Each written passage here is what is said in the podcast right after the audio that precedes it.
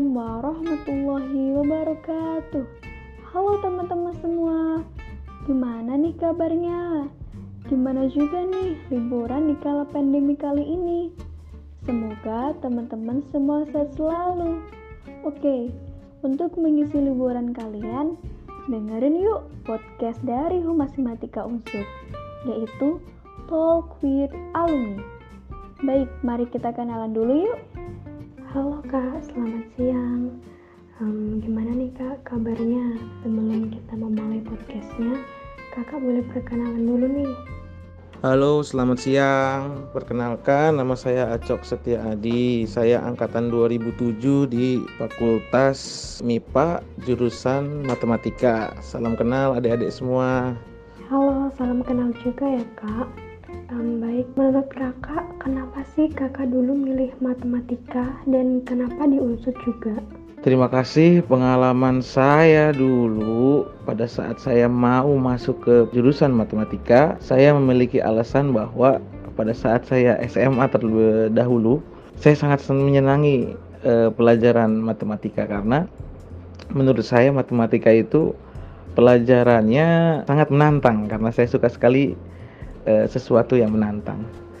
Yang kedua, kenapa saya memilih di Unsud? Kebetulan saya lulus melalui jalur SNMPTN karena kebetulan Unsud itu di pilihan kedua karena pilihan pertama saya tidak masuk saya dulu daftar di Undip jurusan Teknik Sipil saya tidak masuk saya pilih jalur keduanya di Unsud jurusan Matematika wah itu ya kak. Uh, benar-benar pengen menghasilkan sesuatu yang menantang. Bagus tuh kak. Terus kalau misal flashback nih kak uh, dulu sih kakak pengennya nyari kerjaan itu yang sama korelasinya dengan jurusan yang kakak inginkan atau bagaimana? Oke, menindaklanjuti dari saya masuk ke matematika ke dunia kerja, awalnya saya masih bingung. Awalnya masih bingung. Karena eh, di lingkungan saya pun awalnya tidak ada yang eh, masuk ke jurusan matematika. Namun seiring berjalannya waktu ternyata luar biasa sekali untuk di dunia kerja. Matematika itu banyak sekali terpakai di eh, beberapa perusahaan terutama di statistik ya salah satunya di komputasi juga ada dan cuma dulu saya flashback saya juga bingung mungkin ada beberapa persen dari seluruh mahasiswa yang ada sekarang mahasiswa baru terutama mungkin mereka bingung apa? Karena eh, korelasi yang awal pada saat kita masuk pasti kejadi dosen. Karena sebelumnya kita nggak tahu bahwa matematika itu luas sekali luas sekali untuk men, di dunia kerja ini Wah, ternyata banyak sekali ya kak. Uh, ya emang sebenarnya tuh di semua perusahaan tuh pasti menggunakan jasa matematika. Terus kalau tujuan awal kakak dulu pengennya kerjanya tuh di mana? Dan uh, di semester berapa sih kak kakak sudah memikirkan untuk bekerja? Oke, awalnya dulu saya ingin bekerja sebagai data analis. Kenapa? Saya berkeinginan untuk bekerja sebagai data analis karena saya yakin bahwa di beberapa perusahaan dulu itu hmm, sangat membutuhkan untuk pengolahan data karena yakin di setiap perusahaan itu punya data yang e, sesuai dengan bidangnya.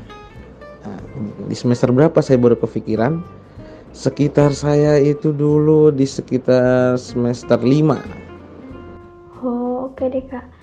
Berarti kakak mulai mencari pekerjaan itu dari semester 5 sampai kakak lulus ya kak.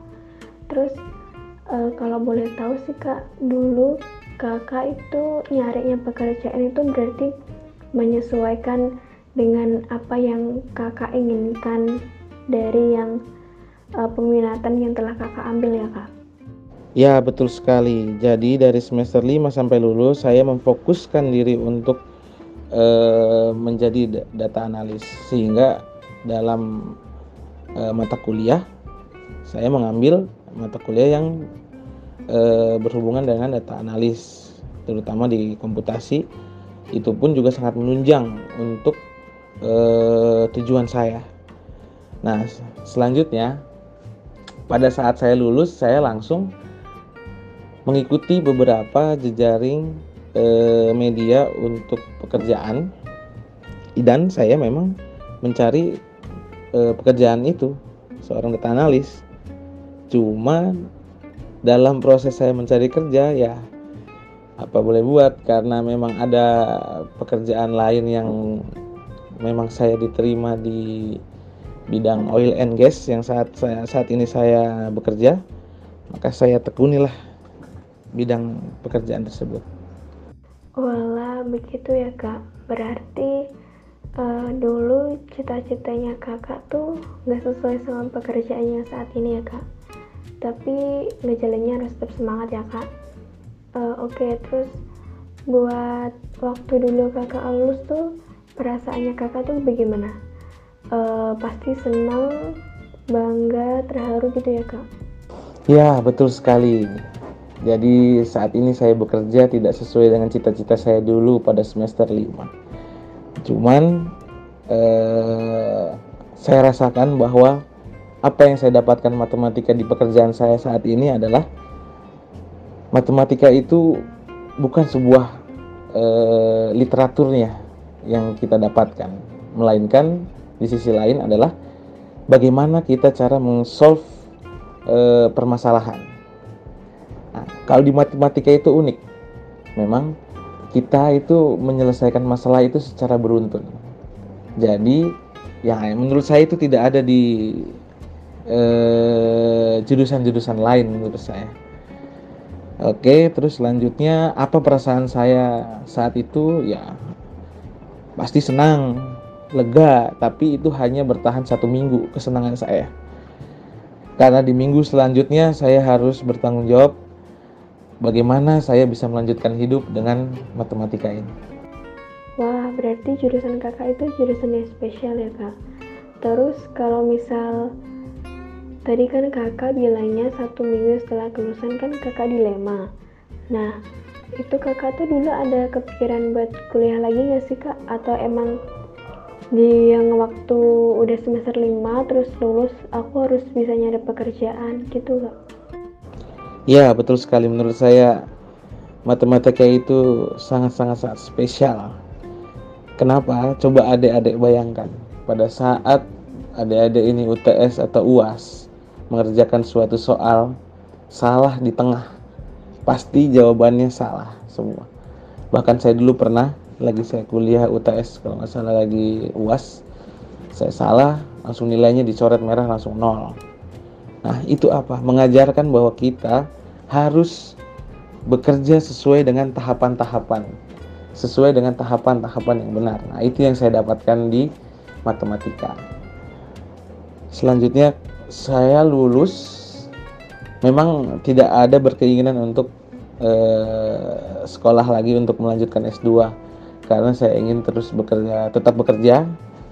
Eh, dan sampai saat ini pun saya belum berkeinginan untuk eh, melanjutkan S2 kalaupun saya ingin melanjutkan S2 mungkin saya bukan di matematika kembali karena saya bekerja eh, bukan di bidang e, matematika tersebut. Walah, begitu ya kak. Um, Oke deh kak lanjut um, buat kan tadi kakak bilang udah bekerja di oil and gas atau ONG. Nah itu bagaimana sih kak kakak bisa sampai kerja di situ? Kan tadi sebelum aku uh, ngepodcast ini gitu aku sempat kayak baca-baca gitu kan. Nah itu kayak mengenai apa ya kak alat ukur gitu ya kak atau apa kak? Ya betul saya saat ini bekerja di bidang oil and gas. Dulu saya bisa bekerja di sini karena eh, rekomendasi dari teman. Nah, itu juga penting bahwa adik-adik sekalian ini memang harus banyak-banyak bersosialisasi dengan teman-teman yang bukan di lingkungan di matematika aja karena e, nanti pada saat dunia kerja semua itu kita cari teman itu kita cari semua karena kalau kita hanya tem e, cuma berteman di lingkungan matematika ya nanti nggak akan jauh-jauh dari situ gitu loh. Nggak nggak nggak kembang. Nah, karena dulu saya e, banyak bergaul di luar saya dapat rekomendasi dari teman untuk masuk ke perusahaan ini. Nah untuk apa yang dipekerjakan sekarang saat ini adalah Betul sekali, bukan alat ukur. Nah, kita ini bekerja di survei seismik atau eh, pencarian awal eh, minyak atau gas yang ada di bumi. Ya, itu lebih banyak saya berteman dengan eh, orang-orang di teknik geologi dan teknik eh, geofisika. Wow, mantap sekali pokoknya deh nih. Terus Uh, dulu sih waktu kakak ngelamar di sini tuh apa saja sih kak yang dibutuhkan dan mungkin bisa nih buat teman-teman yang lain uh, pengen masuk ke sini jadinya tahu apa saja yang harus dipersiapkan buat pendaftaran di kerjaan yang kakak sekarang kerjakan.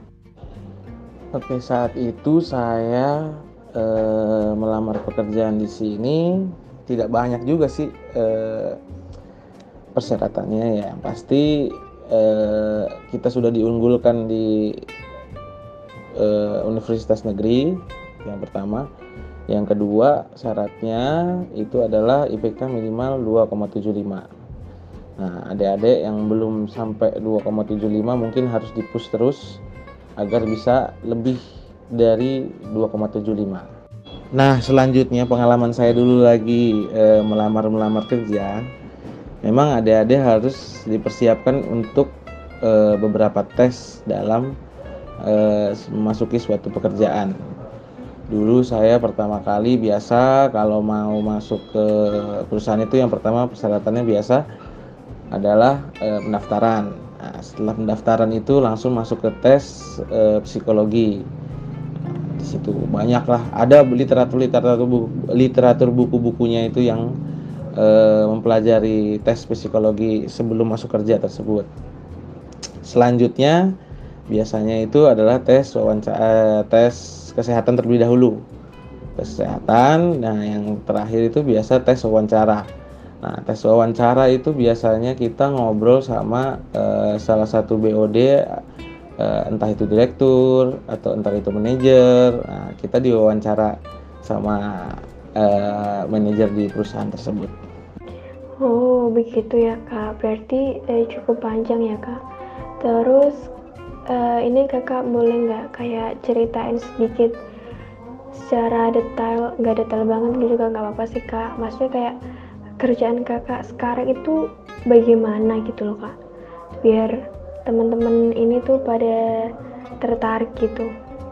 Untuk saat ini saya bekerja sebagai manajer marketing di PT Petrol Gas Energi, perusahaan yang bergerak di bidang oil and gas, ya, lebih ke survei seismik nama pekerjaannya.